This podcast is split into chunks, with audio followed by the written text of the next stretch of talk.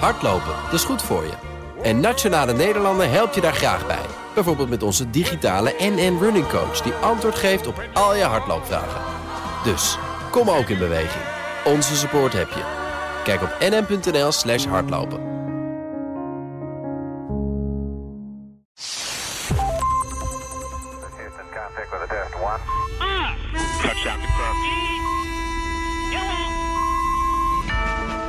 Welkom bij Space Cowboys en ik eh, ga om te beginnen. Welkom Thijs trouwens. Ja, welkom Thijs Herbert. Roes, leuk dat je erbij bent. Ja, eh, gelukkig nieuwjaar. Eh, van hetzelfde, beste wensen en zo. Eh, star, eh, star time, star date, huppelep. ja, precies. Startime. Startime. Ik heb weinig geslapen vannacht. Ik begrijp waarom. Eh, eerst even Jan Terpstra, hartelijk welkom. Goeiedag. Eh, net als in september gaan wij het hebben over fotografie in de ruimte. Ehm, maar wat ik eerst even kwijt hou is de nummering. Oh, de nummering. Want we hebben een tijd lang hebben we de nummering eh, bijgehouden. En ik heb ontdekt dat die fout was. Op een gegeven moment waren we tot 63. Ja, 63. Ik En ik ben gaan eh, hertellen vanaf een punt dat ik dacht dat het zeker was. En Het was kerst, je had niks te doen. ik ben, ja. en ik heb waarschijnlijk eh, geteld met weken. daarbij vergeten dat wij maar eens in de twee weken Ja? een Space Cowboys maken. Waardoor Ja. de nummering dus te hoog is uitgevallen. En Oh ja. ergens in eh, het systeem. Krijg je, een nu- gratis, krijg je een gratis ad. Die mag jij even uitzetten. Maar eh, we ja. hebben dit jaar, vorig jaar, het- 2020, deden we elke twee weken. Eh, dus het, het, het Ja. klonk niet raar. En dan hebben we één, één jaar Nee, elke, maar- wel elke week gedaan. Dan moeten we een keer samen ernaar kijken. Maar ik heb Ja. dat eh, zeer nauwkeurig nu nagekeken. Ja. En we waren bij 63. En we zijn nu nog maar bij 60. Oh, oké. nou, we zitten bij 60. Nou, welkom Space bij... Cowboys nummer 60, hartelijk welkom. Ja, zeker. En, goed. dus met Jan Terpsen gaan we het hebben over fotografie. Maar eerst even een paar gewone nieuwtjes doornemen. En jij om te beginnen, want je noemde eh, al Nee, het, het is Amerika. zo, ja, het is zo lastig, want Jij bent een halve Amerikaan, dus jij bent er erg bij betrokken. ja, jarenlang in Amerika gewoond en eh, Amerikaanse geschiedenis gestudeerd. Ja. En het eh, live mogen meestuderen eh, de afgelopen 24 uur. En het was zo grappig, omdat ehm, mijn, mijn vader, ik, ik, ik zat in ons boshuisje, dus ik kom eigenlijk ook net, mijn vakantie eindigt eigenlijk nu. Ehm, Oké, En eh, gefeliciteerd. Dank je, dank je. En ehm, eh, mijn vader die wilde eh, die hele stemming gaan kijken om, om Biden officieel gekozen te, gaan, te zien worden. Ja. En ik had echt zoiets van, dat, ik, ik heb geen zin om mijn tijd aan, Trump- aan, Ja. aan Trumps idioterie te te besteden. Want daar, daar kwam het wel op neer. Ja, Hij zei, ja, maar het is toch historisch? Nou, ik kom even van een koude kermis thuis, want historisch werd het. Maar het, het is nog steeds zitten we met z'n allen naar Trumps idioterie te kijken. Want dit is allemaal nog steeds, de wereld is weer in de ban, in de greep van Trump. Eh, dus ik, ik kan eigenlijk niet wachten tot Biden eh, eh, er is. Dus zodat Zeker. het allemaal gewoon een, een keer voorbij is. Maar het is ook wel, ergens moet ik het er nu over hebben, want... want Weet ik veel. Dat, waarom zou je het ergens anders over hebben op dit moment? Nou, omdat zijn? sommige luisteraars het pas later zullen horen. Dus Absoluut. dan is het al lang weer verleden En tijd. niet, en niet alleen dat. zijn eh, al lang weer nieuwe escapades van meneer Daarom. eh, de Don. de- de- ja, let's, let him, let, let- laten we zijn naam niet noemen. Maar eh, de ruimtevaart is ook altijd wel een hele mooie, een mooie escape of zo van, van, van alles. Dat is het, escape velocity. ja, precies. En een, eh, en een veel langer termijn eh, ding. Dus het is ook het kortstondige van wat er de afgelopen 24 uur dan toevallig in Amerika bij het Capitool is gebeurd. Dat Allemaal klein bier. is allemaal klein bier met eh, missies naar Mars en het veroveren van de ruimte, zullen we maar zeggen. De- laten we de ruimte gaan veroveren. Wat heb jij voor ruimtevaartnieuws? Nou, het- laat ik dan heel even nog bij Biden blijven. Want het is wel, eh, eh, wel goed. Dus over twee weken is hij president. Ik wilde een klein beetje naar, eh, naar 2021 gaan kijken. Wat betreft. ehm, Wij nemen dit op op 7 januari trouwens. Op Dat 7 even te januari, voor ja. de mensen die Ja. denken, waar gaat dit allemaal over? waar gaat het allemaal over? Ja, precies. eh, op de ochtend, volgens mij net 10 minuten geleden, is het eindelijk eh, die stemming van, eh, van- Biden is officieel geworden. Dus het is echt. ehm, het is allemaal heel vers. Eh, Ja. En Nee, je bent, ge- je bent geëxcuseerd. Ja, dank je. Ja. Ehm, ik, ik- heb een paar maanden geleden hebben we het er even over gehad dat Biden bezig was met een soort eh, commissie der wijzen van eh, acht eh, mensen. Die. ehm, die bezig zijn geweest met eh, eh, ja, wat moet de toekomst van NASA zijn. Ik zag dat daar een kleine update over was.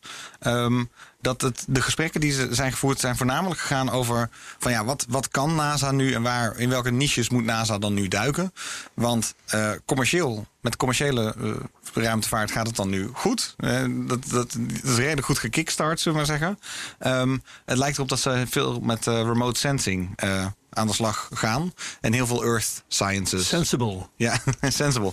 En heel veel earth sciences. Dat daar nog een, een hoop te winnen valt. En nu weet ik niet, eh, Jan, of dat voor jou al logisch in de oren klinkt. Jij weet alles van fotografie. Is het zo dat, dat wat betreft het foto's maken van de aarde of het, het meten van de aarde, dat daar nog veel te halen valt? Daar valt ontzettend veel te halen. Eh, ik herinner mij een uitzending op BNR van eh, midden 2020, waar iemand heel bevlogen aan het vertellen was over het vercommercialiseren van foto's van onder andere weersatellieten. Eh, Ik en denk dat het- dat Robert Mieka is geweest. dat zou best kunnen? kunnen. Was Ja. dat- ja, volgens mij was het ook in, in BNR Digitaal. Ja, dat zou goed kunnen ja. zijn. Ja. Robert Mieka En- van, eh, ehm, van der Sat. Ja, Die is ook een keer in Space Cowboys geweest trouwens. absoluut. Dat klopt, ja. En eh, als je dat even doortrekt, eh, dat is redelijk eh, geavanceerd. Hij is een van de eerste die het echt gaat commercialiseren. Maar als je kijkt naar landbouw, naar visserij. Eh, traditioneel al de weervoorspelling die heel, al heel snel werd vercommercialiseerd. eh, eh, onder andere door eh, een van de dochterondernemingen van RTL. Dan eh, zit daar kennelijk een verdienmodel in. In het eh, aggregeren en correleren van die data. Absoluut, ja. En eh, dat betreft niet alleen eh, zeg maar mijn pseudo-vakgebied fotografie, maar dat eh, heeft ook te maken met eh, remote sensing, dus infraroodfotografie, radarbeelden. eh, kijken naar bewegingen van het zeeoppervlakte, wat nu al door een groot aantal satellieten wordt gedaan met een speciaal daarvoor ingerichte radar. Ehm, die kunnen helpen om grootschalige overstromingen te kunnen voorspellen. We kunnen nog niet de zaak beïnvloeden. Maar zowel de commercie als het, zeg maar, het welzijn van de mensheid in zijn algemeen. ehm, wordt groot eh, aangepakt, ook in het plan van Biden, die remote sensing. eh, ter meerdere eer en glorie niet van de Amerikaanse staat, maar gewoon ter verbetering van de omstandigheden van mensen over de hele wereld. Dat vind Ja. ik wel een mooi Ja, dat is een uitgangspunt. Ja. Ja, Vind ik een mooi en, en, en eh, het verschil is ook, hè, ga- je kunt wel plannen maken voor maan en Mars. Doen ze trouwens ook, hè. Maar eh, daar wordt eh, door eh, mensen die gewoon de kost moeten verdienen wel op neergekeken. Want dit, dat is een money pit. Hè, dat kost alleen maar. Ja. Terwijl eh, die remote het- sensing, dat, daar zit gewoon een verdien- verdienmodel aan. Ja, die, da- data is in ieder geval wel. De, Ja. de data is natuurlijk een hoop. even over dat punt. Want we hebben ook eens een keer eh, Niels Wielaert gehad van eh, Satellig- Satelligence. Intelligence, Die ja. dus eigenlijk publieke, al be- publieke beschikbare data eh, met algoritmes bewerkte, waardoor, eh, of uitlas. En eh, daarmee het ontbossing eh, in kaart kon brengen. Live, bijna, bijna live. Dus ja, bijna, voor partijen die dat graag bestrijden. voor, voor partijen die dat graag bestrijden. En dus wat je zegt, van dat je dus inderdaad die data ook voor de common good kan inzetten. Ja. Dat is natuurlijk wel heel, eh, wel heel goed. ja, ja, jij was het zover niet mee eens. eh, Ja, ik ben het er niet helemaal mee eens. Want als je kijkt wat jij tegenwoordig in je broekzak hebt, eh, namelijk een telefoon en een chipkaart voor eh, je ja, bank. zeker. Dat zijn die de lange was termijn. niet mogelijk geweest als niet in Ja. de 70er en 60er jaren er zo enorm veel geld tegen die ruimtevaarttechnologie Research and bedacht. Ja. ja, en een van Ja. mijn vroegere werkgevers, IBM, heeft daar een grote rol in gespeeld. En heeft daar gewoon ook heel veel economisch voordeel van gehad. Hm. En eh, ja, de, de ontwikkeling die je nu ziet is eigenlijk steeds meer, nog steeds een ontwikkeling eh, gebaseerd op de verregaande miniaturisering van elektronica. Eh, we waren niet op dat punt geweest als we niet een soort van space war hadden gehad vanuit het westen met, Ja. met het Oostblok. En dat hebben we, dacht ik wel, in Space Cowboys ook al tegen elkaar gezegd. Ehm, dat het zo interessant is dat er nu weer een Space War ontstaat. Hè, een wedloop tussen verschillende partijen. Waaronder in ieder geval China, Rusland en de Verenigde Staten. Ja, maar ook binnen, nog wel- binnen de Verenigde Staten ook door verschillende commerciële ook nog eens partijen. een keertje. Ja, Hè, wie doet het eerst wat? En eh, dat maakt het heel interessant sowieso om te volgen. Maar dat maakt ook budgetten vrij. Mhm. Waardoor het des te sneller zal gaan. Nou, wat een mooi bruggetje naar eh, even een paar puntjes die ik zou willen Kom op. noemen. Want eh, ik- vind het wel lekker om even naar 2021 te kijken over wat, wat staat er, waar moet je nou even op letten dit jaar. En ehm, eh, wat dat betreft is dus inderdaad die, die, die battle van de commerciële partijen, die is eh, natuurlijk volop aan de gang. Ehm, even kijken, maar we, er, zijn, er zijn een paar dingen waar we het over kunnen hebben. Daar ga ik zo meteen even over hebben. Even, ik wil even puntsgewijs, eh, even een paar puntjes 2021. Eh, Osiris Rex hebben we het vaak over gehad. Die, die gaat weg van Bennu. En die komt dan hierheen, las ik. Dat, eh, die gaat Ja. vertrekken daar. Ehm, Juno houdt ermee op. De Jupiter-missie. Die gaat opbranden. Ergens eh, mid dit jaar. Die laten ze op Jupiter ploffen. Of, ja, op oh, ja, een van de maanden. nee, erin. Ja, volgens mij oké. helemaal- helemaal erin. Oh, ook een mooi proces om te volgen trouwens. Ja. Dat gaan ze ook zeker doen. 30 juli is dat. Ja. En dan eh, dit jaar inderdaad wat die battle betreft... eigenlijk van alle verschillende... Moet, New Glenn moet gaan van... eh, van, van eh, Jeff Bezos, eh, Blue Origin. Raket. Ja, raket moet gaan vliegen. SLS moet gaan vliegen. Oké. Sure. We zien het wel. Yeah, right. Maar, ja, precies. Maar natuurlijk, en wat ook op dit moment weer het meest actueel is... maar wat ook met, met direct weer ingehaald kan worden door de actualiteit... is dus de SpaceX-ontwikkeling van Starship. Ja. Gisteren, het is gebeurd. Ik heb nog snel even weten, weten te kijken. Er is een static fire geweest gisteren.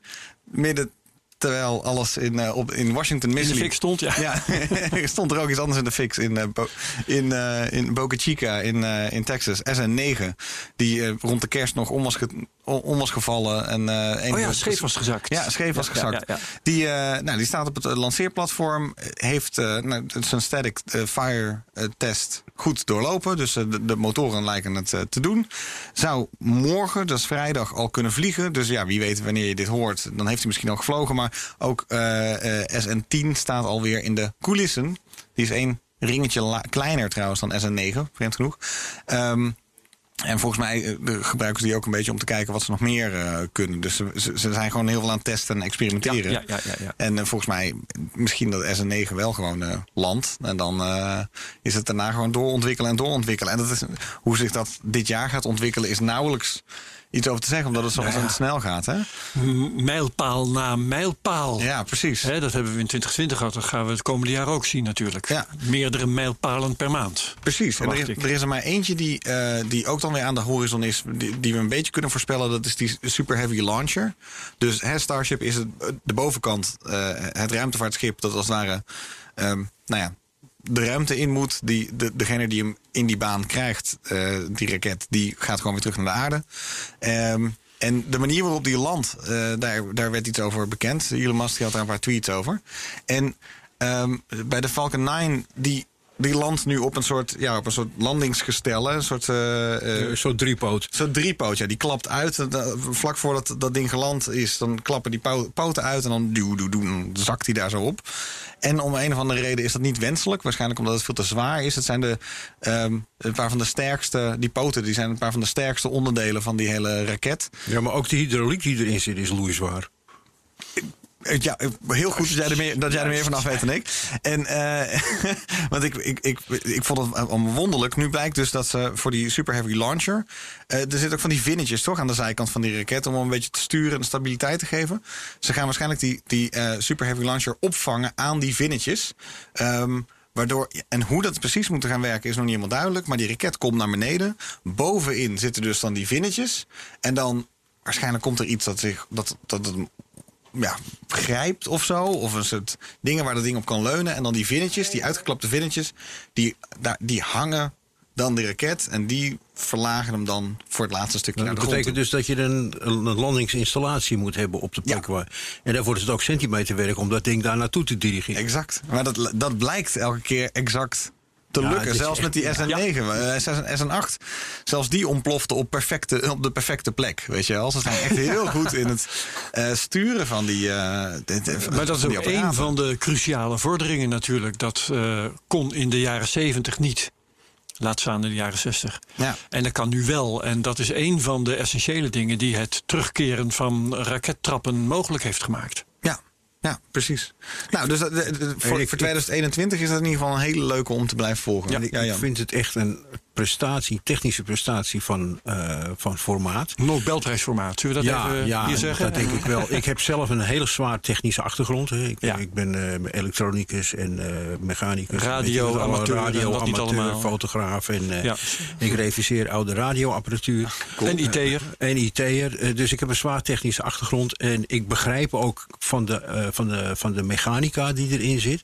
Maar ik begrijp ook de achterliggende systemen en de, de, de bijna AI-achtige eh, programmatuur die erin moet zitten om dat allemaal voor elkaar te krijgen. Vroeger de, drukten we op de knop, deden we onze ogen dicht en dan ging die Apollo-raket hopelijk zo hoog mogelijk dat hij in een baan van de aarde kwam. dat is in de beginfase nogal een aantal keren niet goed gegaan.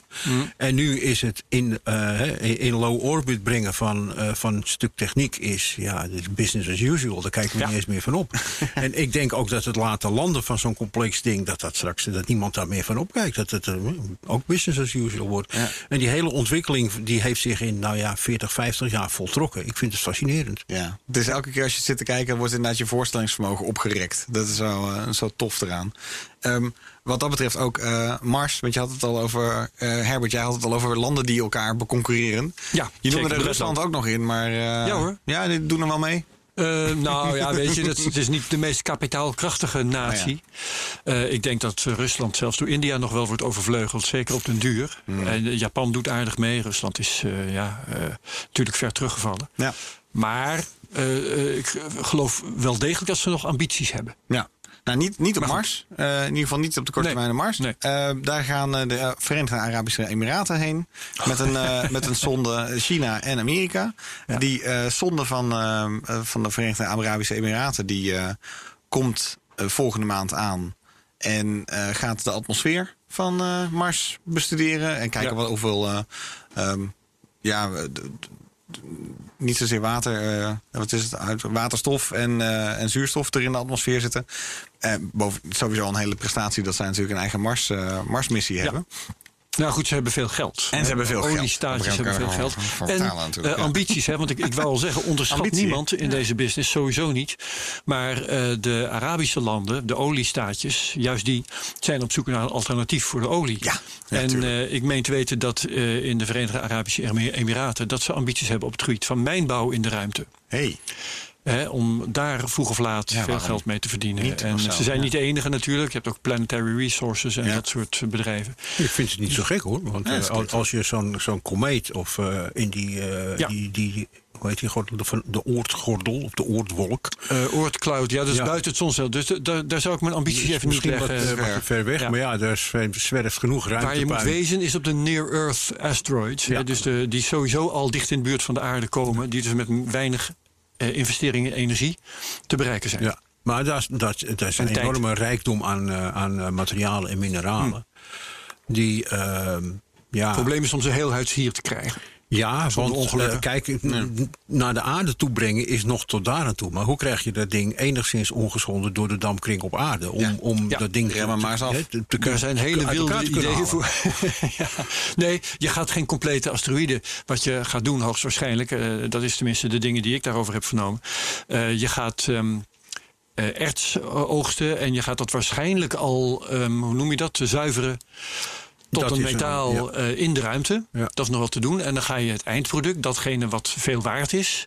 Eh, niet al die kilo's ruw materiaal, nee.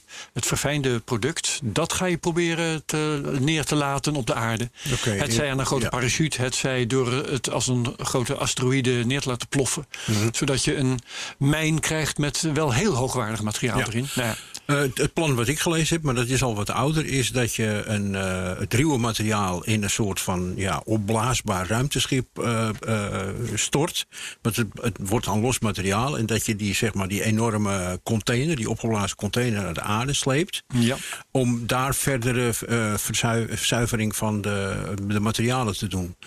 Dat bleek economisch een haalbaar plan te zijn. Want het maken van een raffinaderij die je naar die eh asteroïden brengt. eh, om daar dingen te, te, te mijnen en te zuiveren en die terug te sturen naar de aarde.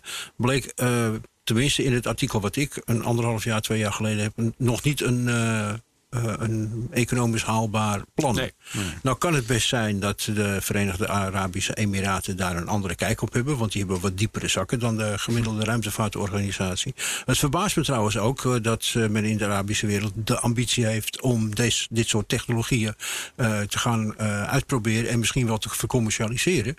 Ehm, het was heel erg een, een, ja, een oliegedreven eh, maatschappij. Zijn daar steenrijk van geworden. Maar kennelijk is, Ja. de, is de, de, de ecologische technologische kentering in het bewustzijn van de mensheid nu in ene aanleiding om te, te heroverwegen van ja, die olie is misschien toch niet zo'n toekomstvaste investering en laten we nu maar eens kijken naar alternatieven. Dat eh, vind ik wel bijzonder.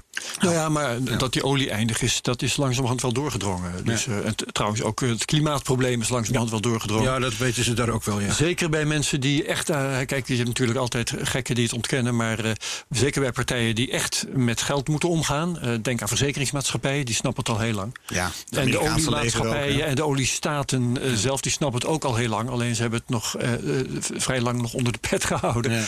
Om die olie nog een tijdje te kunnen verkopen. Maar wat betreft het minen, het lijkt het op de korte termijn meer te gaan over eigenlijk brandstof. De, de, brand kunnen bijtanken en dat, en dat kunnen raffineren in plaats van bijvoorbeeld goud of diamant of Daar heb je eh, gelijk in, dat zo, is hè. zo. En omdat het voordeel daarvan ook is dat je dan ook niet op aarde hoeft neer te laten. Ja. Dan eh, dan eh, maak je een tankstation in de ruimte. Ja. Als je ergens water kan vinden en, eh, en energie. Nou, eh, energie is overal. Eh, als je dicht genoeg bij de zon blijft. En Ja. water moet je dan vinden. En dan kan je raketbrandstof maken. Waterstof en zuurstof bijvoorbeeld. Dat was de reden dat, me- dat Starship op methaan werkt ook. Hè? Dat methaan overal in het universum Oh, kan. vandaan te halen valt. Dus daarom is voor methaan gekozen als, als, als de brandstof. Vooruitziende blik. Ja, vooruit. Ja, lange termijn eh, planning. Ehm, Jouw overzicht. Mijn overzicht, ja, nou wat dat betreft, we gaan het zo meteen nog even over, over eh, James Webb-telescoop hebben. Ja. Maar nog even die Mars-missies. Ehm, want eh, China en Amerika die eh, komen allebei eh, eh, aan. Ehm, sterker nog, eh, Perseverance is er al, volgens mij. Die is net aangekomen. En eh, daar gaat de. Dat is ook een, eh, een robot, hè, een wagentje. Sorry, die is van NASA. Eh, dat is eh, een, een, een robot inderdaad. Die gaat daar rondrijden. En ehm, eh, die gaat volgende maand al eh, naar het oppervlak, als het goed is. Dus eh, blijft, zit daarvoor klaar. Wordt, wordt dat weer zo'n spannende drie-traps landingsprocedure? Volgens mij komt er weer een Sky Crane. Dat bedoel ik. Ja, dus Sky Crane, eerst, eh, eerst Curious. afremmen Ja. met een eh, Pro- parachute. Proven technology. En dan een raket eh, die gaat hoveren en dan neerlaten aan een kabel. En dan heel laat, ja, bizar. En dan dat ding dat er neerlaat, dat vliegt dan snel weg. En dan, ja, Ja, ja, zeker. ja, om te voorkomen dat je er bovenop valt. Perseverance heeft nog een ander, nog iets nieuws bij zich. Een helikoptertje. Dat nog Ja, de drone. Dat is ja, waar ook. Ja, Ja, zo'n drone ja, ding. ja. Ongelooflijk. Ja, dat is heel Ja, vet. dus Dus met zo'n een dunne atmosfeer, dat, dat is dus echt gewoon heel, eh, heel gaaf. Ja, heel gaaf. Oh, pionieren. Pionieren. Helikoptervliegen in een dunne atmosfeer. Dat is ook een... eh, een het is echt een soort game op een andere planeet. Het is gewoon heel, echt, echt Ja. heel grappig. Ja. Ehm, en, eh, dus ik ben heel benieuwd. Hoe, En dat is ook nog nooit vertoond, hè? Vliegen op Mars. Wel wel de- een de satelliet eroverheen. jongen. Die wil ik echt zien. Ja. Ja, ja. Ja. Terwijl je ze natuurlijk computergegenereerd al lang kunt Ja. maken. Hè? Want die 3D-voorstellingen die zijn er al lang. Niks haalt het bij echt. Echt hè? vliegen. Niks haalt het bij echt. Maar eh, dus ook eh, China, die kom- komt daar dus ook aan. rond dezelfde tijd. Die gaan, even kijken, die komen volgende maand eh, aan, ook in februari. China heeft al aangekondigd dat het ding het nog steeds doet. Gaat allemaal goed. Ehm, is eh, gepland dat die. En ze gaan ook landen. Zij gaan ook landen, maar in mei, volgens mij. Pas in, Dat is ook dus nieuw, hè? Dat een eh, andere natie dan Amerika of Rusland daar iets neerzet. Exact, ja. Dus eh, eh, ehm, China wordt dan het derde land dat daar een rover gaat hebben. Het ding is wel, het is en een... eh, eh, dat noem je geen zonde, maar het wordt een satelliet. Eh, dus er komt een satelliet, een rover... En ook nog het, het ding dat, dat, dat, dat de rover, eh, het soort lan- lanceerplatform van de rover, moet je dat zeggen? Ja? De basis. parkeergarage. Het parkeergarage heeft ook nog zijn eigen eh, sensoren. Dus dat is ook een ding. Dus het is ook, ook een ja, soort ja. drietraps. Ja. Eh, ze hebben drie machines Ja, het is hetzelfde systeem als de Lunagod van de Russen destijds in de 60 jaren. Oh. Daar landt een vaartuig en bovenop dat ruimtevaartuig staat gewoon dat wagentje. Dus het, het is hetzelfde idee een beetje als de, de Apollo-missies. Je laat iets landen en daar zit een los te maken bovendeel. Dat wordt in een Apollo-missie dan gebruikt om terug te keren naar, eh, naar de, eh, de Apollo-cabine en vervolgens naar aarde.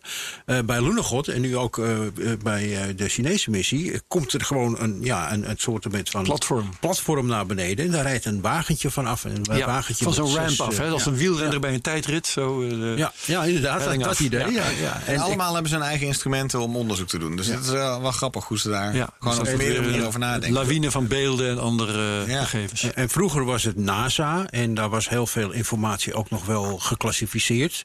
En die geclassificeerde data komt langzamerhand wel beschikbaar. Want NASA eh, was toch een pseudo-militaire organisatie in sommige aspecten. En een aantal van die missies, daar is ook nooit wat over gepubliceerd. Want die hadden puur een, een militair karakter. En nu zie je dat de technologie in, in, eh, breder beschikbaar is. En dat ook eh, de motivatie om dat te doen breder beschikbaar is. En dat je een enorme diversiteit aan meetmethodes, transportmethodes, landingsvaartuigen, eh voortstuwingssystemen krijgt. Waarvan ik dan denk van, wauw, wat een mooi tijdgewicht. Dat in, eh, zeg maar in een periode van tien jaar het eigenlijke monopolie van de Russen, de Chinezen en de Amerikanen eh, als overheidsorganisaties nu doorbroken wordt. Door mensen die dat ook commercieel gaan inzetten. Dat vind ik echt een fantastische ontwikkeling. ja, ja, ja. Ja. Ehm, wat dat betreft, voor China gaat het ook gaat het rap. Want die hebben ook net een ander succes natuurlijk op zak. Die hebben ook net eh de maanstof van de maan weten te halen. Dus die hebben, daar komen ze ook net op terug. De derde natie zijn ze ermee geworden die maanstof heeft, eh, heeft weten, te, weten te halen. Dus ja. ja, China die, eh, die gaat wel hard op dit moment. En ik vind alleen dat ze er erg stil over zijn. Kijk, de Ja, Amerikanen waren nogal Oh van ja, het bos helemaal kloppen. gelijk. Kijk eens wat wij gedaan hebben. Ja, ja, ja. Maar van China, je ziet wat foto's. en Je ziet wat... eh, Ze doen erg hun best om te voorkomen dat we ooit zullen zien dat er een eh, raket eh, in rook opgaat. Ja, maar ook, ja. ze Ja. willen ook verhullen hoe geavanceerd hun technologie inmiddels is doorontwikkeld. Ja, Want en, vergis je ja, ja. niet wat een enorm eh, technologisch eh, instituut... En ze vertellen in ook aan het niet, niet expliciet wat hun plannen zijn. Nee. Dat moet je allemaal deduceren en Ja, combineren. het, de, eerste, de eerste missies naar de ruimte die, eh, die werden door eh, landen eromheen gezien van hé, hey, er vliegt wat omhoog. en dat komt in een baan om de aarde. En de Chinezen hadden het zelf niet Ja, eens aangekondigd. Ja. Ja. Ja, dat klopt, ja. Eh, wat dat betreft is het dus veel leuker om SpaceX te volgen... waarbij de hele tijd er overal livestreams zijn... en acht Ja, camera's op, alle, op elke... Daarom horen we daar ook veel meer over. Ja, de, Ja, de ja, Boca ja. Chica Gal staat daar gewoon de hele tijd. elke zonsopkomst en zonsondergang. Welke wagen van A naar B rijdt. Of de tanks wel of niet zijn aangeleverd. Het is eh, zo grappig om het gewoon helemaal zo stap voor Ja, stap je voor kan ook de hele maken. supply chain volgen. Dat Helemaal. Geweldig. Van alle, van alle verschillende varianten ook. Van, ah, daar komt SN11 de top al aan. Daar komt inderdaad de fuel voor SN9. Heel grappig. Ehm, even, Mars, eh, even eh, eh, samenvattend. Samenvattend, ik heb even gekeken van wat, wat, wat, wat speelt er dan op dit moment op- op, Mars, onze, onze buurplaneet. Ehm het totale aantal rovers komt dan op drie te staan aan het eind van dit jaar. Ehm, Nog geen vierdevorming voorlopig. M- Namelijk dus China met Tianwen 1, Perseverance van NASA en, Curiosity? en Curiosity. Ja, zeker. Eh, Opportunity, die is Good old, een paar- ja. tijdje geleden mee opgehouden. Die is gestopt. Ja, die te veel stof, hè? Of zo was er. Ja. Dus die, drie zijn het er in ieder geval. Ehm, en even kijken, acht orbiters. Acht satellieten die daar omheen draaien. Ehm, twee landers. Twee landers die daar gewoon dan stationary En staan. één drone. En één helikopter. Heel goed, Herbert. Precies. Heel goed. Ik wou even inhaken op jouw Perseverance. Want Ja. dat is toch wel een stukje technologie waar ik als fotograaf erg eh, blij van word. Ook, ook wel een beetje warm. Die, eh, dat, dat vehikel beschikt over 23 camera's. 23. 23 camera's. Variërend van eh, eh, 8 megapixel tot, ik meen, eh 24 megapixel. Ehm, en die camera's hebben allemaal hun eigen specifieke taak. Hè. Er, zijn, eh, er is een stereocamera waarmee dat ding kan manoeuvreren. Eh, dat zijn die twee vierkante ogen die in die, in die arm zitten. Daarmee kan hij afstanden meten, kan hij objecten identificeren. Maar Ja, er zitten ja, ja. rondom ook nog wat camera's. eh, de collision detection of collision avoidance. Eh, die kijken van ja, zit er niet een rotsblok in mijn, eh, in mijn traject... eh, waar ik misschien Ja. straks een as opbreek... of eh, de, Ja. eh, moeilijk, moeilijk Bij omheen wijze van spreken de achteruitkijkspiegel en de dode hoekspiegel Ja, het, worden het- daarmee... het, het piepertje wat je tegenwoordig Ja, in je auto hebt. precies. Inderdaad. Maar er zit ook nog wel wat wetenschappelijk spul in. Want er is een camera waar een veelkleurige laser aan verbonden zit. En die kan... eh, ja, een beetje lastig uit te leggen, maar die schiet laserlicht op een object. Ja. En uit de reactie, de kleuren eh, en, en, eh, en andere emissie uit dat object kunnen ze de samenstelling herleiden. Dus dan weten ze het is steen waar metaal in zit. Of, En heb je het dan over pure reflectie of heb je het over verhitting en verdamping Beide. wat je dan Beide, verhitting en verdamping. Dus dan ja, doen ja. ze in, in feite een soort spectrometrie om Ja, te kijken van wat is die substantie. Maar ze kunnen ook eh, bepalen wat het, zeg maar, het, het, het albedo, de lichtreflectiewaarde is van bepaalde Precies, objecten. Kleur.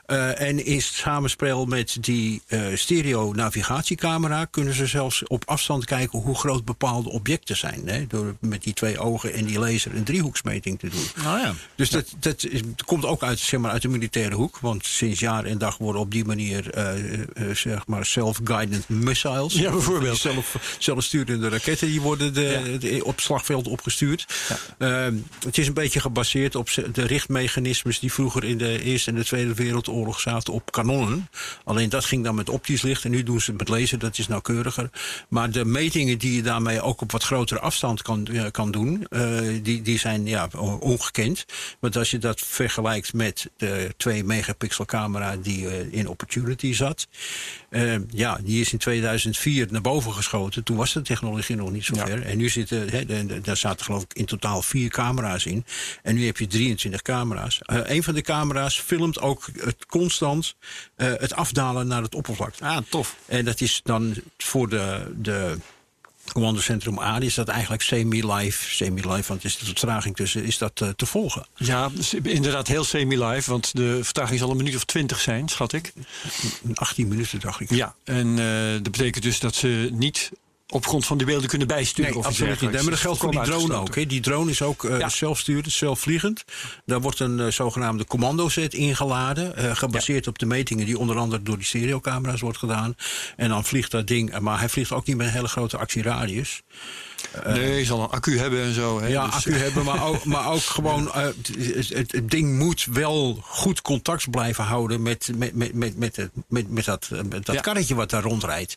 Sorry, ik misschien miskend om dat ding een karretje te noemen. Maar ik vind het wel grappig, want die eh, technologie, als ik, als ik hem nu zo hoor, sommige, eh, het klinkt echt heel eh, eh, disrespectvol, maar eh, consumentenelektronica heeft sommige van die dingen al. Die drone, sommige drones die nu voor consumenten beschikbaar zijn, zijn technologisch zo geavanceerd Ja, dat ik me erg, erg afvraag van hoe was, was, wat was de staat van de techniek toen Perseverance ontwikkeld werd bij NASA. Ja. Tien jaar geleden waren ze daar natuurlijk al, al, al druk mee bezig. Ja. Van wat voor een technologie zit daarin. En er is zoveel gebeurd op dat vlak over inderdaad sensing, 3D-mapping. en, en het- allemaal een AI die zichzelf gewoon kan, kan vliegen, om het zo, om het zo Ja. te zeggen. Maar alleen al dit, hè. Ja. Ik, ik- mijn, mijn eerste drone, dat was eh, er eentje die moest je door zelf handmatig bij te sturen in de lucht houden. Ja. En zo'n ding is van zichzelf helemaal niet stabiel, al heeft hij dan vier van die propellers. Maar dan moest je echt gewoon met, de- met de pookjes. Ik heb dat ding nooit langer dan een minuut in de lucht weten te houden. Nee? Mijn tweede drone is al automatisch gestabiliseerd. Maar hè, als je zo'n andere drone eerst hebt gehad, dan snap je dus wat een hoop technologie erin moet zitten. Alleen al daarvoor. Ja, precies. Weet je wel? En dan heb ik het nog niet eens over eh, oriëntatie met GPS, over automatisch naar huis komen, over eh, au- automatisch ontwijken van obstakels en al dat soort Want zaken. dat zit er ook allemaal in, Die daar natuurlijk ook allemaal Ja. in zitten. Ja, je moet je voorstellen dat zo'n zo'n zelfvliegende drone is in feite een zelfrijdende auto. Zoals wat Tesla nu, eh, nu heeft. Ja. Maar dan in drie dimensies. En Je Ja, kunt je voorstellen ja, ja. wat complexe besturingselektronica en logica Ja. daarin moet zitten. Ja, precies. Waarbij je dus gewoon een, eh, eh, een bodem hebt waar je niet voorbij kunt. Die als het even kan toch moet vermijden. Hè? de grond. En dat, nou, dat zijn toch wel een paar com- complicaties. Die Ja. je moet, ja. Ik, Herbert, ik, we, we kunnen. eh, Want eh, een van de laatste dingen die nog voor 2021 op mijn lijstje staat, is James Webb-telescoop. Die moet dit jaar de lucht ingaan. dat is ook Eh, een onderwerp voor Jan. Maar daar kunnen we het zo meteen misschien over hebben. Want ik ben ook erg benieuwd wat jij misschien nog. Ja, eh, nou, dat wil ik erg gaan beperken. hebt. Want we zijn al zo'n beetje op de helft van de tijd die we onszelf meestal gunnen. Ik had een aantal dingen, maar ik wilde eigenlijk één uitpikken. Oké. Dat is meteen ook interessant voor, eh, voor het komende jaar. Omdat ik denk dat hey, misschien ontstaat hier wel eh, een nieuw thema in de ruimtevaart. Eh, het is dit, is een bericht dat ik vond bij Space News, gedateerd 28 december. Viasat heeft gevraagd aan de Amerikaanse FCC, de Federal Communications Commission, ehm, om een environmental review te maken. Wij zouden dat noemen een milieueffectrapportage Ja. van Starlink. En zij zijn? Wie zijn zij? Vi- Viasat, een satellietbedrijf. Een Satellietbedrijf. Eh, dus concurrent van. gemakshalve eh, zeggen we even een concurrent van Starlink. Eh, Is, is dat Starlink is dat wel zuiver op de graad als het om het milieu gaat? Moet milieu. daar niet beter naar gekeken worden? En wat, waar doelen ze specifiek op? Ehm, dan doelen ze op eh, alle. Kijk, een milieueffectrapportage zoals wij dat hier kennen. Dus dat gaat om alle milieueffecten. Dus dan kun je denken aan de, de effecten van de lanceringen. Wat er natuurlijk ontzettend veel zijn Ja. bij Starlink.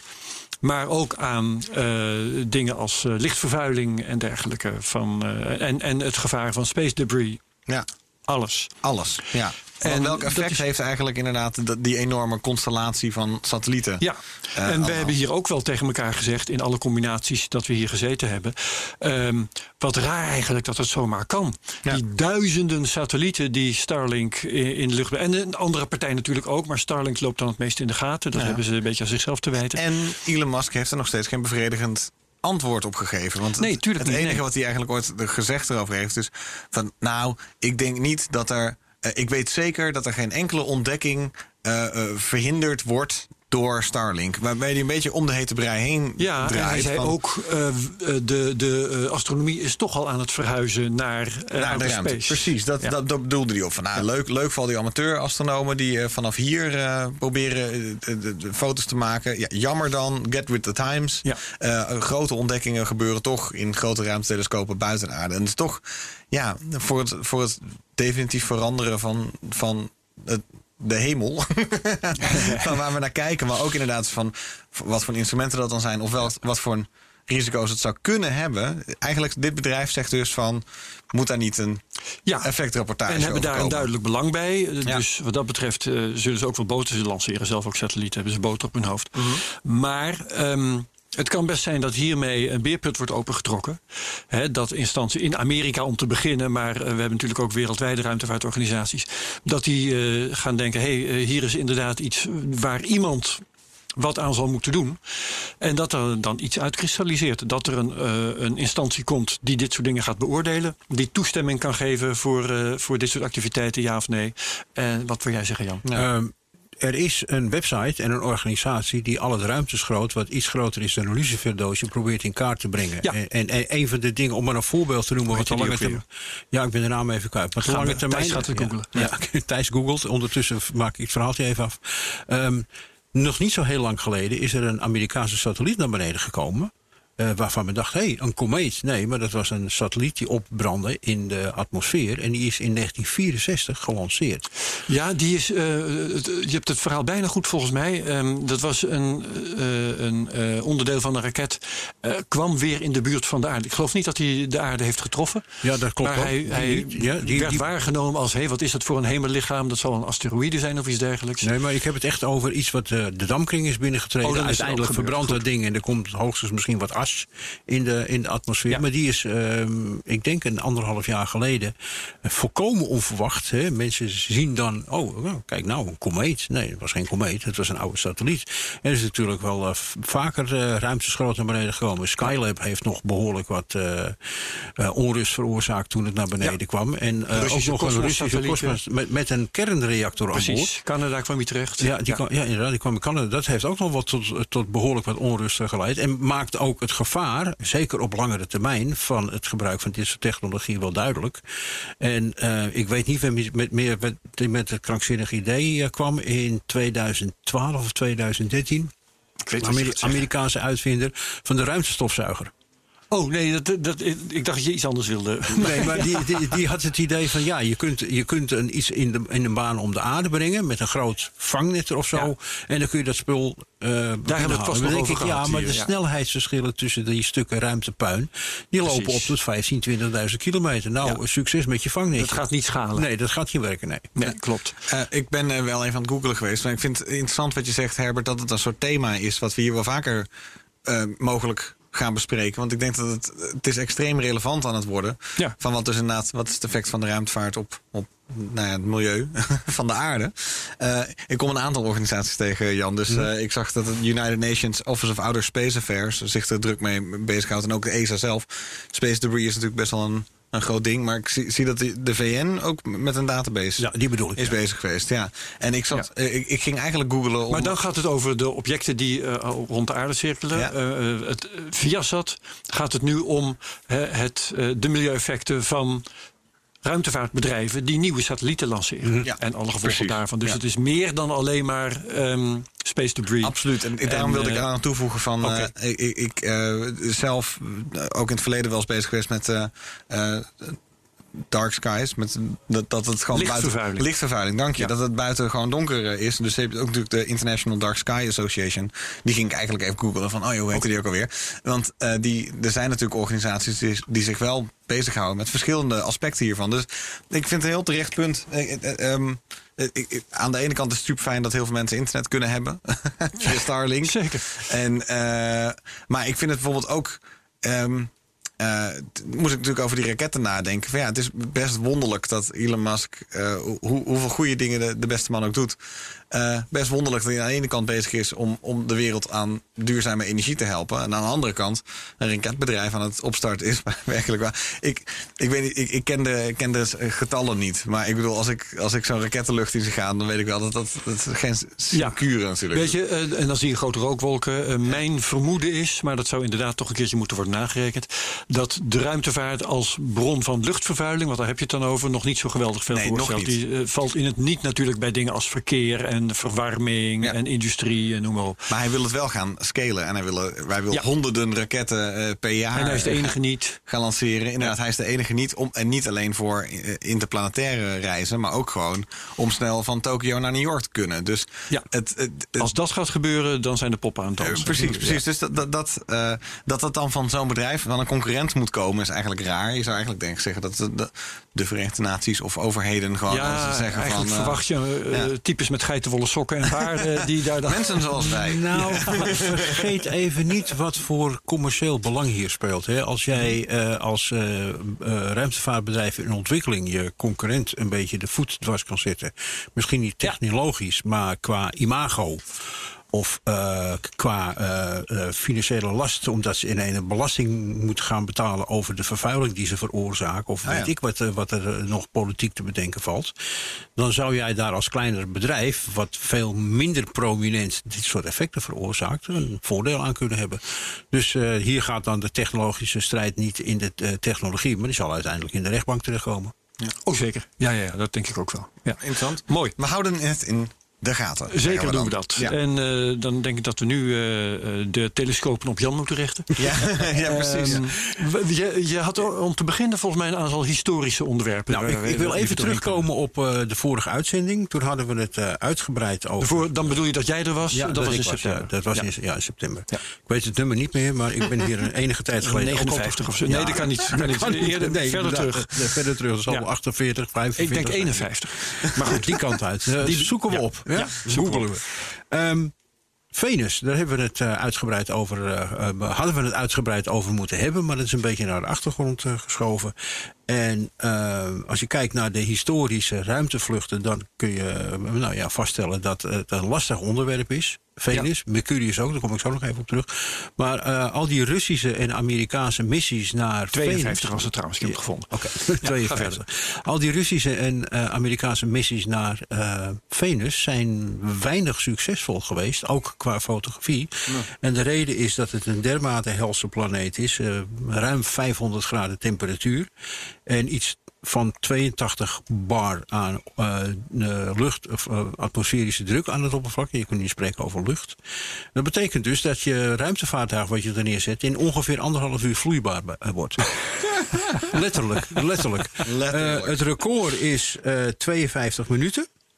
Dat een apparaat het uitgehouden ja, ja, heeft. ja. En nog in staat was om eh, eh, telemetrie en, en beelden, voor Ja. zover dat dan mogelijk is. Er, er zijn wat beelden van het Venusoppervlak, Ja, maar die zijn het- inderdaad heel zeldzaam. Ja, heel zeldzaam. Ehm, Ja, wel heel tof, toch? Dat je zelfs hem helemaal ziet landen? Of is dat op Nee, nee, nee, nee, nee. Het verdwijnt in, de, in, een, in een nogal wolkachtige atmosfeer. Want het zicht is ook niet eh, Het zo zicht erg. Ik ben in de war met bijna- Titan inderdaad, die, die Ja, land. Maar het is een- eh, foto wel, hè? Dus er, zijn we, er is wel er is Zwart-wit. prachtige, prachtige foto. Nee, ook een kleur, toch? Er is zo'n prachtige foto van alle... Of een soort, soort poster voor aan je muur. Waarbij je ehm, foto's ziet vanaf het land op, vanaf het oppervlak van Mars, Maan, eh, Aarde en dus ook Venus. Overal waar we ooit geland zijn. Ja, maar dat is niet van de oppervlakte van Venus, want dat zie je niet. Maar in de baan rond Venus kun je een uitstekende foto maken van bijvoorbeeld de Mars en de Aarde. Ja, maar je hebt, er is toch een foto van het oppervlak van Venus? Er is een, oppervlak, een foto van het oppervlakte. Ja. Maar je kunt vanaf het oppervlakte niet heel makkelijk naar boven kijken. Nee, nee, nee, maar gewoon van de horizon. Ja, dat, Toch? Die, Die ja, is er die wel. is er. Ja, Ja, die ja, is er. precies. Ja. Oh ja? En er zijn ook eh, zeg maar false color, dus de radarbeelden die dan ingekleurd zijn om eh, bepaalde details eh, Deze. beter Deze ja, ken ik. Ja, ik wou net zeggen, ik zit ook te googlen foto Venus surface. Ja, en dan krijg je dit die- soort deze. eh, foto's. Maar er is nooit een foto gemaakt vanaf de oppervlakte van Venus richting de aarde. Want, Nee, ja, oké. ik bedoel, Dat kan je niet zien. atmosfeer is zo dik. Dat, Dat is gewoon helemaal geel. Maar je kan dus wel Ja, inderdaad... en, en ook weer tegen de tijd dat je je camera goed gericht hebt, dan is hij gesmolten. Ja, er Ehm, zijn de, de, de, de- het is, Maar het zijn er er is weinig beeldmateriaal. Ja, weinig beeldmateriaal, absoluut. Nou, de, de Russische Venera 5 heeft het nog eh, 53 minuten uitgehouden. Eh, en er was eh, een zeer succesvolle eh, scheervlucht van Venera 12, ook van de Russen. En op het moment dat hij bij Venus was en telemetrie en metingen ging doen en foto's wilde maken, toen wilde de lenskap niet open. dus dan heb je miljoenen, miljoenen, eh, tientallen, misschien wel honderden miljoenen geïnvesteerd in een of ander vaartuig wat op tienduizenden kilometer, honderdduizenden kilometer zelfs afstand probeert zijn kunstje te doen. En dan is er zoiets doms, denk ik dan als fotograaf. Dan zit de lenskap vast. Ja. En dan is het dus onmogelijk om foto's te maken van die scheervlucht. Want ik kijk, het landen op het oppervlakte van zo'n planeet als Venus, dat geldt trouwens ook voor Mercurius, is eh, a- een huzarenstukje wat uiteindelijk niet heel veel eh, succes met zich meebrengt, omdat het ding het maar ja, maximaal een uur of zo uithoudt. Maar in een scheervlucht kun je nog wel mooie foto's maken van hoe de buitenkant van die planeet en die, die atmosfeer eruit ziet. En dat is dus hiermee mislukt. Eh, die Venera 12 was trouwens wel een van de meer geavanceerde apparaten die er naartoe ging in 1984. Eh, NASA heeft vanaf 61 met het Mariner-project onder andere heel succesvol eh, missies gedaan. Waarbij ze uitstekende, goed gedetailleerde radarbeelden. en ook gewoon foto's van de buitenkant van de atmosfeer van, van Venus hebben kunnen maken. Ehm, maar ja, het blijft een lastig iets. Want oh, zodra je die atmosfeer binnenkomt, stijgt de temperatuur, stijgt de druk al vrij snel. En dan stoppen heel veel systemen in. hè, ik bedoel, het scherpstelsysteem van je lens, dat is gewoon klaar. Dat loopt onmiddellijk door de warmte vast, want het is daar niet tegen bestand. Kunststof smelt zelfs al op honderden kilometers afstand, omdat je vrij dicht bij de zon, de zon komt. Dus je gaat al denken aan titaniumlegeringen in je lens. En Ik wil zeggen, je moet toch materialen kunnen kiezen dat dat Ja, wel maar dat wordt, wel- dat wordt groot en zwaar en Ja. lastig te hanteren. ehm, dus ehm, eh, zo'n scheervlucht is nog de beste optie. Alleen ja, dan zie je, eh, zeg maar, fotografisch in, in, in, normale beelden zie je erg weinig van de Dan heb je oppervlakte. radar nodig. Ehm, ik had het ook nog even over Mercurius. Eh, de eerste ruimtezonde van Mercur naar Mercurius was de Mariner 10. Die heeft in 1974 en 1975 eh opname gemaakt van eh, bijna de helft van Mercurius oppervlakte. Oh, dat was een flyby, toch? Gewoon? Dat was een flyby. Ja. Ja. En eh, de opname, eh, de, de camera die daar aan boord was, en daar praat ik over 1975, dat was 1 pixel per 2 vierkante kilometer oppervlakte. Dus 1 pixel in de camera pakte 2 vierkante kilometer oppervlakte. Daar gaan we het nou niet meer voor doen. Maar Nee, wel. nee, maar je zou dan, bij, als bij, bij wijze van spreken iemand met een vrachtwagen rondrijdt eh, op de oppervlakte, dan zou je dat niet kunnen zien, want dat is onderdeel van één pixel. Dus Ja. eh, gebergte, eh, dalen, bepaalde structuren in de, de oppervlakte kun je nog wel Sterker waarnemen. nog, je zou een, een landingsbaan van een vliegveld nog niet eens kunnen onderscheiden. Nee, Ja, je zou een, ja, een verkleuring in één of twee pixels kunnen zien, waardoor je zegt, nou, daar is iets. Ja. Maar het, is er niet. Echter, Messenger eh, ging naar eh, Mercurius in 2004 en die eh, ging op geringe afstand van de zon proberen eh, foto's en eh, telemetrie te verzamelen. Maar ja, Mercurius staat zo dicht bij de zon, dat is echt een planet from hell. Het is daar zo heet en zo licht dat je eigenlijk alleen maar in de ochtendschemering en avondschemering van de rotatie van Mercurius nog iets zinnigs kan doen. Want eh, in de schaduwkant van Mercurius is het pikken donker vanwege het enorme contrast daar. En ook de temperatuurvariatie is vrij groot. Ja. Als je aan de zonkant zit van Mercurius, dan bak je af weg. Dan, dan verbrandt alles. Ehm, Ik herinner me trouwens uit die tijd wel dat inderdaad die eerste flyby, dat toen eh, onthuld werd wat tot dan gewoon niet bekend was. Dat Mercurius een beetje lijkt op de maan, hè, qua Ja. uiterlijk. Ja. Maar gewoon eh, rotsen, kraters. Ja. Ja, niet. En dat werk, en dat, eh, dat was eh, ja, net zulk groot nieuws toen als nou, wat we een paar jaar geleden hebben gezien, hoe Pluto eruit ziet. Ja. Ja. Dat, eh, Ik wil nog even in de, in de show notes opnemen, want er waren namelijk ook nieuwe, omdat het over, hoge, om, over lage resolutiefoto's ging. Eh, er is van de Mars Reconnaissance Orbiter, is, is, daar hebben ze ook weer een hoop AI op losgelaten. Dus hele hoge resolutiefoto's van Mars zijn er net uitgekomen. Dat is ook wel heel mooi om te zien. Dus, Oh, wat leuk. Ja, Valles Marineris bijvoorbeeld, dus hè, de Grand Canyon van Mars staat er perfect op. Dus de, de, de, het niveau waarop ze tegenwoordig fotografie kunnen maken is wel niet zo fantastisch. Als je de hoge resolutie opnames van Mars ziet. Ja. Dat het fantastisch zou zijn als we nou van andere planeten dat ook eens een keer. Nou, eh, dat, dat gaan we doen, hè? Het eh, Ja. BP Columbo van de, de, de, eh, de ESA-ruimtevaartorganisatie is onderweg naar eh, Mercurius. Daar zitten Kijk. onderdelen in van ESA en van de Japanse ruimtevaartorganisatie. Die doet eerst twee flybys eh, bij Venus om snelheid te maken, hè, door, de, door die, zeg maar, Oh ja. die, die zwaartekrachtslinger, Ja. slingshot effect. Eh, ook nog En- de aarde zelfs, toch? Ja, hij komt ook nog een keer terug naar de aarde. aarde. Om ook nog een keer geslingshot te worden. Ja. ja. Eh, en in oktober 2025 eh, komt hij uiteindelijk bij Mercurius Oh, af. dan Dan splitst hij in twee delen. Eh, die eh, afzonderlijke taken hebben. En in één van de delen, volgens mij is dat in de Japanse. Dan ben ik even kwijt. Maar in de Japanse zit een hoge resolutiecamera. die ook van Mercurius goede beelden kan maken. En nou wil ik weten hoeveel kilometer die pixels dan zijn. Eh, dan moet ik even heel snel denken. Dat was 5 kilometer per pixel. Eh, Dat zou slechter zijn dan van die Mariner. Dat is, eh, is slechter van die Mariner. En de andere camera, de Japanse camera, is 50 meter per pixel. Dat wou ik weten. Kijk, Kijk, 50 meter per now you're pixel. talking. Je, Nou, je, hebt je een- je hebt geen een. Je hebt groothoekcamera die algemeen beelden maakt. Maar je hebt ook een camera die je heel specifiek naar dat oppervlakte Ja, kan ja, ja, ja. richten. En dat is eh, ja, enkele meters. Hè? Enkele Ja, tientallen meters per, eh, per Dan zullen we toch nog wat langer moeten wachten op eh, Ja. het bewijs dat of er wel of niet Ja, vrachtwagens zijn. Ik kom, in Mercurius. 2000, ik kom in 2025 zeker nog een keer terug om te Ja, hartstikke leuk. heel Heel goed. Gaaf. Ehm, What else? Met infrarood, hè, om even het verhaal af te maken, kun je per pixel tot 5 meter.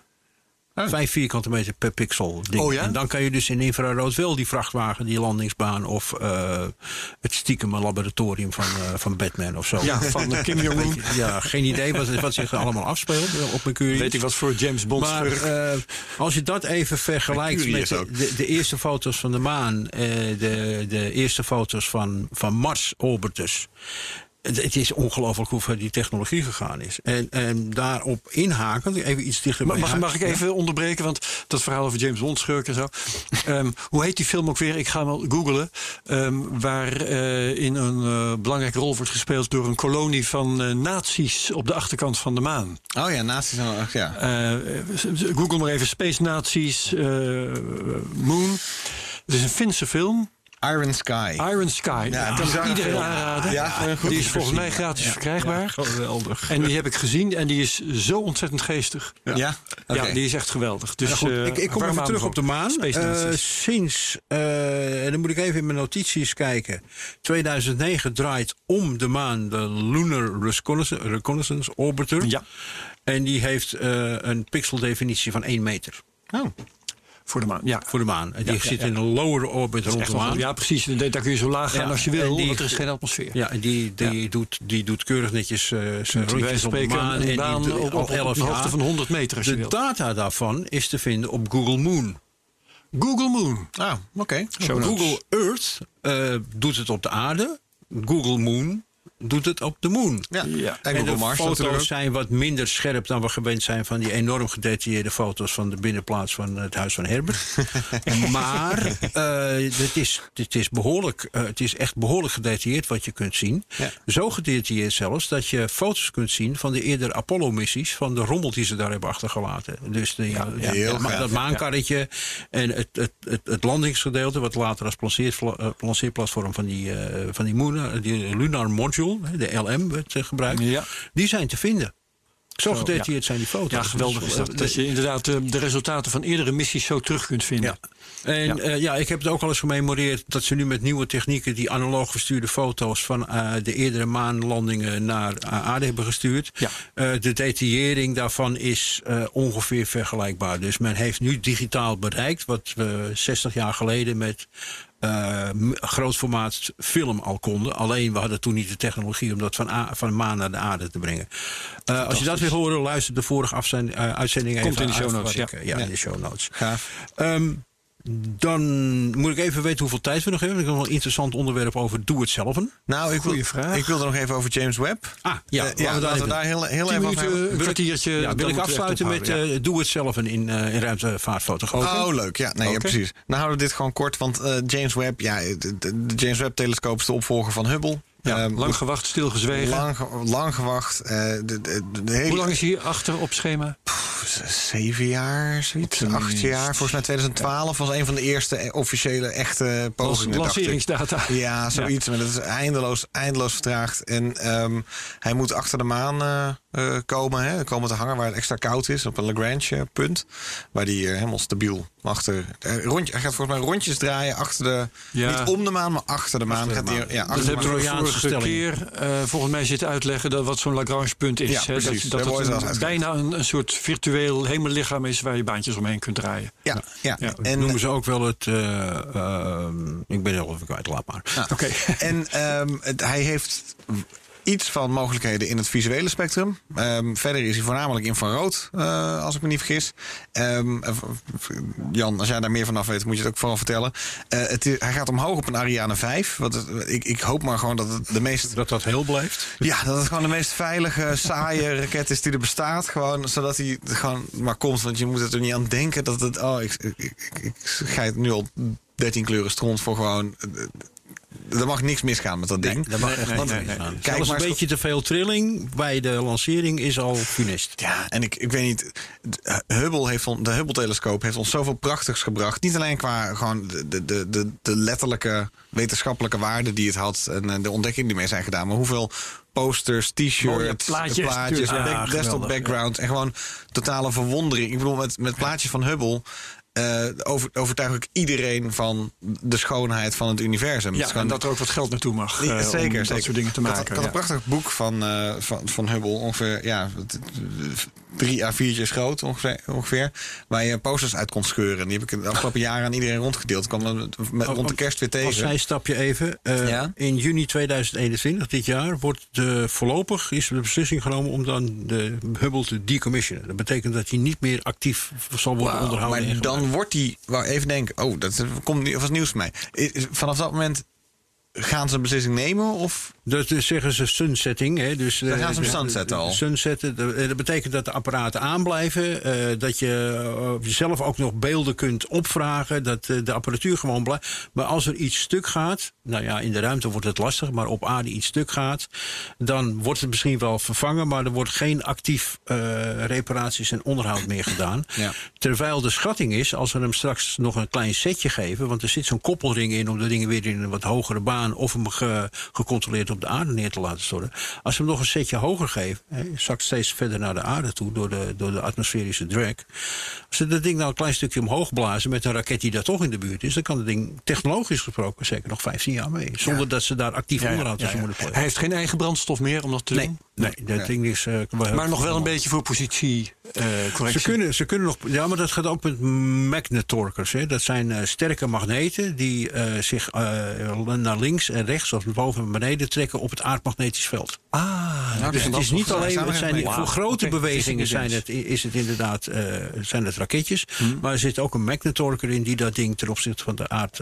Briljant. kan, Ja, eh, ja ik, wat dat betreft, mocht het om onverhoopt toch misgaan met James Webb, op, om wat voor reden ook, dan vind ik het ook wel een mooi moment om gewoon eh, eens te kijken of, ze niet, of er niet wendbaar gewoon. wanneer wordt eh, de eh, James Webb ge- gelanceerd? 31 oktober is dit jaar. Goeie Dat vraag. Het zou me Ja. niks verbazen dat ze Ja, de decommissioning van Hubble, eh, van Hubble uitstellen tot na die datum. Precies, precies. Want Ja. 31 oktober moet ook maar kijken of het dan ook daadwerkelijk gaat gebeuren. Maar het, het zou ook een mooi moment zijn dat al- als er iets misgaat, dat er ook flexibel opgetreden kan worden om hem te repareren. Om wat, wat voor reden ook, om er toch gewoon heen te gaan om het te doen. Net als dat ze met Hubble hebben gedaan. Ja, want die is een keer gerepareerd. ja, die, bleek, die bleek dus toen hij eh, hing eh, niet scherp te kunnen Ja, kijken. die was scheel, ja. die was scheel. Dus die moest eh, daar... Maar die web plekken- kun je, daar kun je wat moeilijker bij, want die hangt dus achter de maan. Ja, precies. uitgezien. ik weet ook weer waarom hij daar hangt. Dat heet een Trojaanse stelling in de sterrenkunde. Oh. Trojaanse stelling. Ja, ja dat, is een, dat is een driehoek waarbij de onderlinge eh, aantrekkingskrachten eh, een stabiele situatie. eh, Oké, oké, Ah, ja. oké. Oké. Eh, maar goed, hij is daar dus moeilijk bereikbaar. Hij is ver weg. heel mooi. Ja, ja. Hoe halen ze daar de data uit? Is er dan een zonde rondom de maan die Wat een goed. Goeie de communicatie regelt? Wel. Net zoiets als die Lunar Reconnaissance Orbiter is er een soort relais-station wat rondom de maan draait. Dat bedoel ik. Maar dat die hangt er al. Ja, Eh, dat weet ik niet. Nee, ik bedoel, Oké, ik, ik heb nog. Er hangen er uit. zat in elk geval. Hè. Volgens mij draaien er nog steeds een stuk of 12, 13 van die, van die radiokastjes Ja, om de maan heen. Die Maar die allerlei moeten maar net de capaciteit hebben en Ja. weet ik veel. Dat gezegd hebbende, de apparatuur van de Apollo-maanlandingen doet het ook nog steeds. Die, die, die signalen kun je nog ontvangen. Er zijn nog twee apparaten van, ik meen Apollo 14. Een seismometer waarschijnlijk. Een seismometer en een eh, lasermeter of een laserreflectiepaneel. Wauw, ja, dat is gewoon zeg. een ding. Dat is is een verkeersbord dat er Dat is staat. een verkeersbord wat er staat. Dat, dat, nee, nee, maar dat ding kun je Ja. ook wel een beetje. Er zit ook nog een mechaniek in om te richten. maar de seismometer eh, en de mm, zonnewindmeter van Apollo 14. Als ik me niet vergis, en correct me if I'm wrong, in de show notes, die doen het nog gewoon. In die signalen kun je met apparatuur, en ik weet collega's centamateurs die daar een grote hobby van maken, eh, die, eh, die ontvangen die signalen nog steeds. Heel gaaf. Ik en dat, geen dat, staat daar al, nou hoe lang?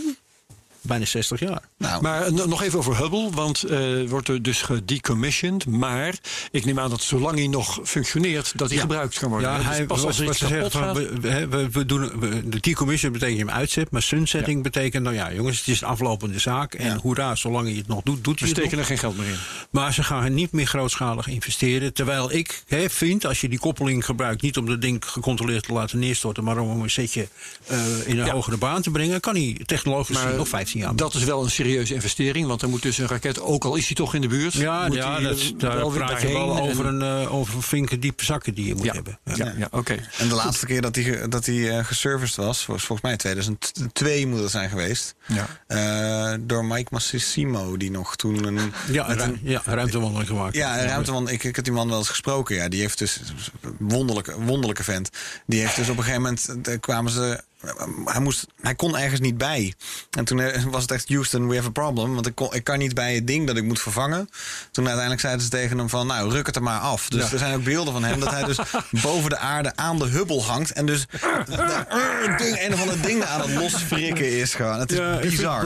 breaks- ja, precies. If it breaks, it needs replacing anyway. Ja, precies. Nou, het, het, eh, Hubble en James Webb telescoop allebei in de gaten houden. Komen vast nog, vast nog Ja. op terug eh, in Space Cowboys. Goed, dan, maar- even, dan, dan uit. Jan. eh, eh, de, de, de- voor de hobbyisten bijvoorbeeld. Ja.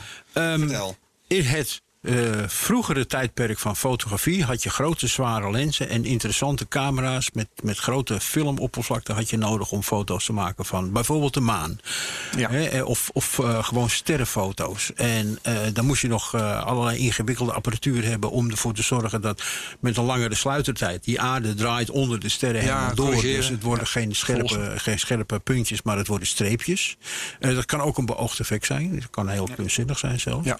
Maar met een hele eenvoudige camera, een Canon 200D of 250D, wat mm, ja, niet eens een semi-professionele camera is, maar met een, een instapcamera en een goede kwaliteit lens, eh, maak je foto's van de hemel. Ja. Dus je richt dat ding op een donkere plek. Ik heb wel eens midden op de afsluitdijk gestaan om dat te proberen, want daar is het vrij donker. Ehm, richt je op, een, eh, eh, op, de, op de sterrenhemel en je kunt nog wat inzoomen ook. En je maakt foto's. En zonder dat je de boel meedraait of wat er ook, je maakt foto's. En de huidige moderne eh fotobewerkingssoftware, ik zal geen merknamen noemen, maar iedereen weet waar het over gaat.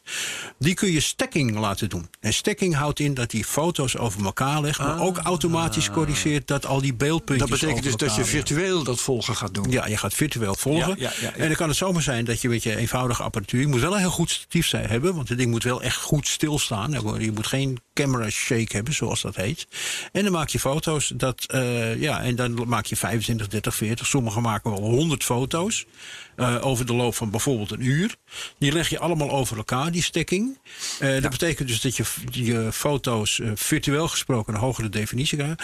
Maar een interessant effect daarvan is dat als je die foto's over elkaar legt, dan heb je statische informatie, namelijk die mooie witte puntjes van de sterrenhemel. En je hebt dynamische informatie, en dat is de ruis. En die kun je van elkaar aftrekken. Oh ja, Dat betekent dus dat je eh, door de nabewerking en het stekken van die foto's de ruis uit de foto's haalt, waardoor je optisch gesproken alweer een veel scherper beeld hebt. Als ik dit tien jaar geleden had verteld, had iedereen mij volkomen voor gek eh, verklaard dat je met een amateur fotocamera met een goede lens Zeker. dat soort scherpe foto's van de sterrenhemel kan maken. Ja, nee, absoluut. absoluut. Ik heb wel de- al na 6, 7, 8 seconden zie je al een streepje ontstaan. Ja. Het is wel bizar Ja, hoe snel de snel. aarde draait. Ja, ja, ja, ja, ja. Ja, wat is het? De oppervlaktesnelheid rond de Evenaar is 1500 kilometer per uur, meen ik. Oh, dat zou ik even moeten uitrekenen. Ja, nou ja, ik ben niet zo ja, het is hoofdrekenen. 40.000 kilometer in een dag. Ja. Dat is de omtrek van Ja, de aarde. ja, ja. Dus precies. eh, doe de math. En doe de math. En, eh, maar ik merk dan dus inderdaad, als ik eh, op hoge resolutie iets maak, dat ik al heel snel last had van streepjes inderdaad. Dus dan kan je je ISO omhoog gooien, maar Nou, dan krijg je weer Google, eens, Dus- Google eens naar Space Photography Stacking. Ja. En je krijgt prachtige mooie instructiefilmpjes Oh van mensen die dit gedaan hebben. Ja. En die ook bijzonder goede resultaten. Er is ook een Ne- Nederlander die dat doet met een hele lastige naam. Die ik ook alweer kwijt ben. Maar, Ik heb het zelfs geprobeerd, maar je hebt dan wel speciale software nodig die niet gratis is, volgens mij. Ehm, ja, je hebt, ja, dat is betaalde software. Ja, Ja, precies. Ja, en dan kan je stekken. Ja, goed, die camera moet je toch ook kopen. Ja, je hebt het ook nodig. Ik moet wel zeggen, je kan ook met, zelfs met eh, mijn telefoon, die alweer bijna vier jaar oud is. Daar is het mij ook wel eens gelukt om echt best wel spectaculaire eh, ruimtefoto's mee te maken. Wat echt absurd, absurd is. En dat blijft alleen maar beter gaan. Want ook camera's zijn de afgelopen jaren vooral ook ontwikkeld in, eh, in lage licht. eh, eh, omstandigheden. Dus dat is voor, voor astrofotografie natuurlijk hartstikke goed. En ook heel veel telescopen zijn van eigenlijk van, eh, van goedkope professionele apparatuur naar eh, gewone consumenten. Consumenten, ja. eh, de elektronica hobbyisten apparatuur geworden. Dus er is nooit een beter moment geweest om te beginnen met astrofotografie, Ja, zou ik wel zeggen. Behalve dan dat Nederland, ja. behalve dan dat Nederland zo extreem lichtvervuild is dat het Ah, extreem moeilijk is om. Altijd als ik op vakantie ben, dan kan ik echt lekker los. Ja, het- Eh, op het. Franse platteland, het is niet plat, maar eh, buiten de grote steden heb je inderdaad plekken waar je zeer weinig lichtvervuiling hebt. Ja. Eh, in de Morvan bijvoorbeeld. dat In de Morvan, ja, daar ben ik een van de laatste keren. pracht-. Prachtige plek om, eh, om ook om eh, ruimtefoto's te maken. Nou, als afsluiting voor de. Voor Heel de even, daar is een, voor, de, voor de geïnteresseerden, daar is een kaart van. Dus er is een kaart van Europa waarin je perfect de- tot op behoorlijk detail kan, ik zal hem wel in de show notes zetten, kan zien waar het donker is en waar niet. En dan zijn er een paar plekjes inderdaad in de buurt van Afsluitdijk die ook in Nederland misschien net wel geschikt zijn. En de Waddeneilanden trouwens. Ja. Dan nog als laatste afsluiting. Als je zelf geen camera hebt, niet zo goed kunt fotograferen, maar toch iets wil weten over aardfotografie. Er zijn enkele tientallen eh, wetenschappelijke. Eh, eh, satellieten, maar ook radio-amateursatellieten, die dus door, eh, door hobbyisten zijn. Nou ja, hobbyisten wel professionals, maar als hobby zijn gebouwd. Die een op de aarde oppervlak gerichte camera hebben, waar je gewoon live mee kan kijken. Dat zijn voor een deel de aardobservatiesatellieten van NOAA, hè, de Noord-Amerikaanse organisatie die, die het weer in de gaten houdt. Ja. Ook Europese weersatellieten die gewoon een stream aan data naar beneden sturen. Die dingen die, die zitten voor de kenners ergens rond de 137 megahertz. En die zenden daar hun, eh, hun beelden uit. Ehm, maar ook de wat professionelere spullen. Het schijnt dat je, ik heb niet helemaal uit kunnen vinden hoe, maar het schijnt dat je zelfs semi-live mee kunt kijken met de Hubble. Oh? Eh, hoe het zit, daar eh, wilde mijn bron eigenlijk weinig over zeggen. Want hij vond het een beetje erg exclusief dat hij dat zelf ontdekt had. Maar het schijnt dat je semi-live mee kunt kijken naar foto's die uit de Hubble komen. En dan zijn er, eh, nou ja, wat ik zeg, nog een aantal eh, camera's aan boord van die, het International Space Center, Space Station. Die eh, constant op de aarde gericht zijn. En waar je ook live en semi-live mee kunt kijken. Wat die. eh, wat Heb jij daar ook kant-en-klare links eh, over? Ja, daar heb van ik links voor. Die zal ik, die zal ik in de show notes laten opnemen. Stuur die naar Ehm, als laatste ISS dan, ter afsluiting. Eh, iemand vroeg mij, eh naar aanleiding van de vorige keer dat ik hier te gast was... van ja, maar wat voor camera's hebben ze dan bij dat International Space Station aan boord? Dat zijn een hele lijst. Op Wikipedia staat gewoon een lijst met alle cameratypes die daar aan boord zijn.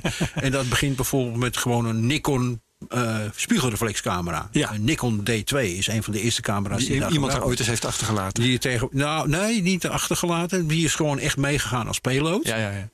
En, en vanuit ISS eh, werd dat ding gebruikt. Inmiddels eh, koop je zo'n camera tweedehands voor een paar honderd euro. Want hij is naar aardse begrippen is hij, eh, eh, ja, eh, Verouderd. verouderd. Hè? Het is een oud ding.